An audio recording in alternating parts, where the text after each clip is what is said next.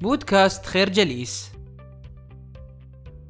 يشير مصطلح المحيط الأحمر إلى التنافس الشديد الذي يشهده مجال الأعمال حيث الصراع القوي على الهيمنة على الأسواق ويوجد نوعان من المحيطات كما هو متعارف عليه في هذا المجال الأحمر والأزرق. يمثل الأحمر جميع الصناعات القائمة على المنافسة في سوق معروفة ومحددة جيدا. ويشير اللون الأحمر إلى المحيط بالمياه الدامية حيث تتقاتل الأسماك وتتنافس من أجل البقاء. أما الأزرق فهي استراتيجية تنافسية وتسويقية حديثة تهدف إلى البحث عن محطات زرقاء جديدة بعيدا عن المنافسة والحروب كما هو السائد في عالم الأعمال. لا بد من التنبيه هنا إلى أن استراتيجية المحيط الأحمر يتم التركيز فيها على الشركة بينما يتم التركيز على الحركة في استراتيجية المحيط الأزرق. ونحن نعلم بأن كلا الاستراتيجيتين تهدفان إلى الوصول إلى الابتكار والإبداع غير أن المعنى الحقيقي للابتكار هو ما يتحقق مع استراتيجية المحيط الأزرق. لكن يمكننا أن نطرح تساؤلا على الشكل التالي. هل توجد شركات دائمة التميز والابتكار تتمكن من الانتصار على منافسيها بشكل لا نهائي؟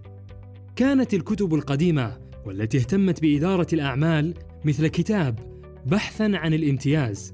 تعتبر أن مجموعة من الشركات تمثل عنوانا للتميز. لكن بعد صدور الكتاب بمدة زمنية قصيرة سقطت مجموعة من الشركات مثل أتاري وداتا جنرال وغيرها.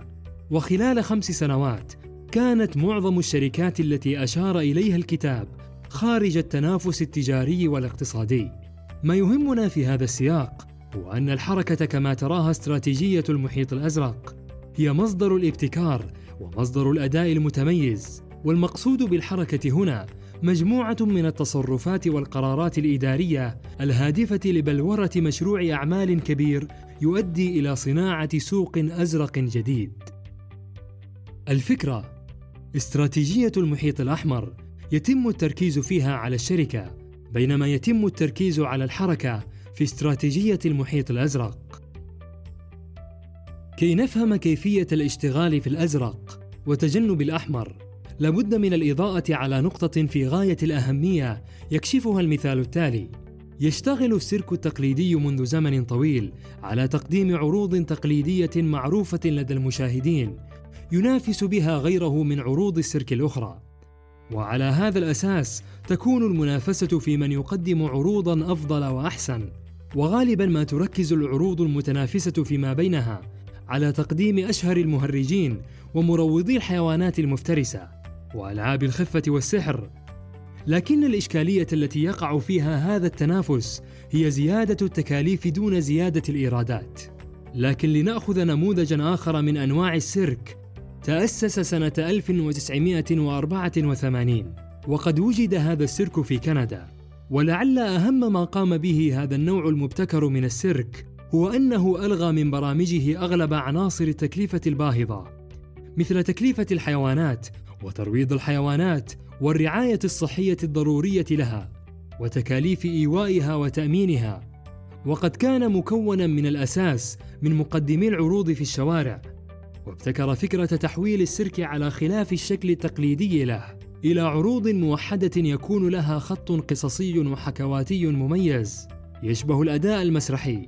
وهكذا تمكن هذا السيرك من ابتكار عروض عميقة نالت إعجاب مشاهديه. وتمكن من ابتكار خط أزرق خاص به ونجح لأنه توقف عن منافسة غيره.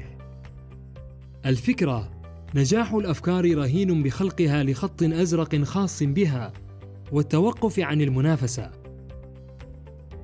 هناك العديد من المبادئ التي تقوم عليها استراتيجية المحيط الأزرق وتضمن لها الفعالية في عالم إدارة الأعمال.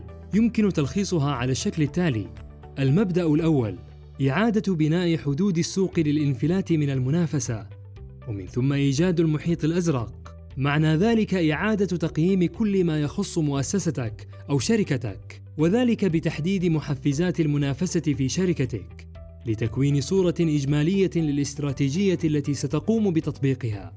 المبدأ الثاني التركيز على الصورة الكلية للوصول إلى الترتيب الاستراتيجي الصحيح وليس على الأرقام وهذا يتطلب من المرء السعي للحفاظ على الصورة الإجمالية كي لا تضيع بين أرقام الاستراتيجيات والتي قد تؤدي إلى ضياع الهدف الأسمى.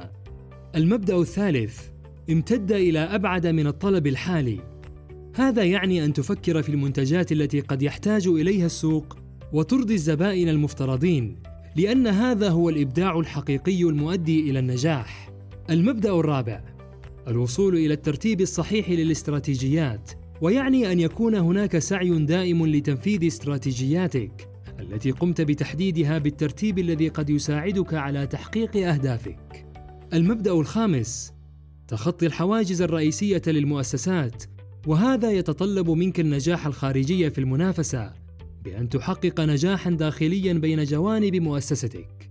المبدأ السادس أسس النظرية مع التطبيق وتعني السعي إلى التقليل من مخاطر الإدارة عن طريق تأسيس كل استراتيجية تهدف إلى استغلالها في المحيط الأزرق. الفكرة المبادئ التي تقوم عليها استراتيجية المحيط الأزرق تضمن لها الفعالية في عالم إدارة الأعمال. لا يمكن أن نبتكر اسواقا زرقاء بشكل اعتباطي أو بطريقة توحي أنها ضربة من ضربات الحظ بل العكس هو الصحيح فابتكار الأسواق الزرقاء هو مهمة تتطلب مجموعة من الطرق والشروط المحددة ومن ضمنها الانتقال عبر الصناعات المتقابلة. تعتبر المنتجات التي تتفق في طريقة عملها والفوائد التي تقدمها لعملائها بدائل متماثلة حتى لو اختلفت في شكلها الخارجي.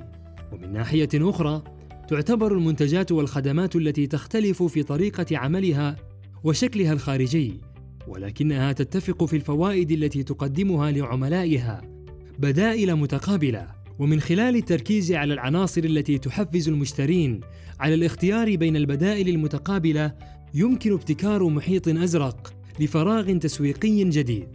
الانتقال عبر الكتل الاستراتيجية للصناعات يشير مصطلح الكتل الاستراتيجية إلى مجموعة شركات تعمل في مجال محدد وتتبع استراتيجية متشابهة.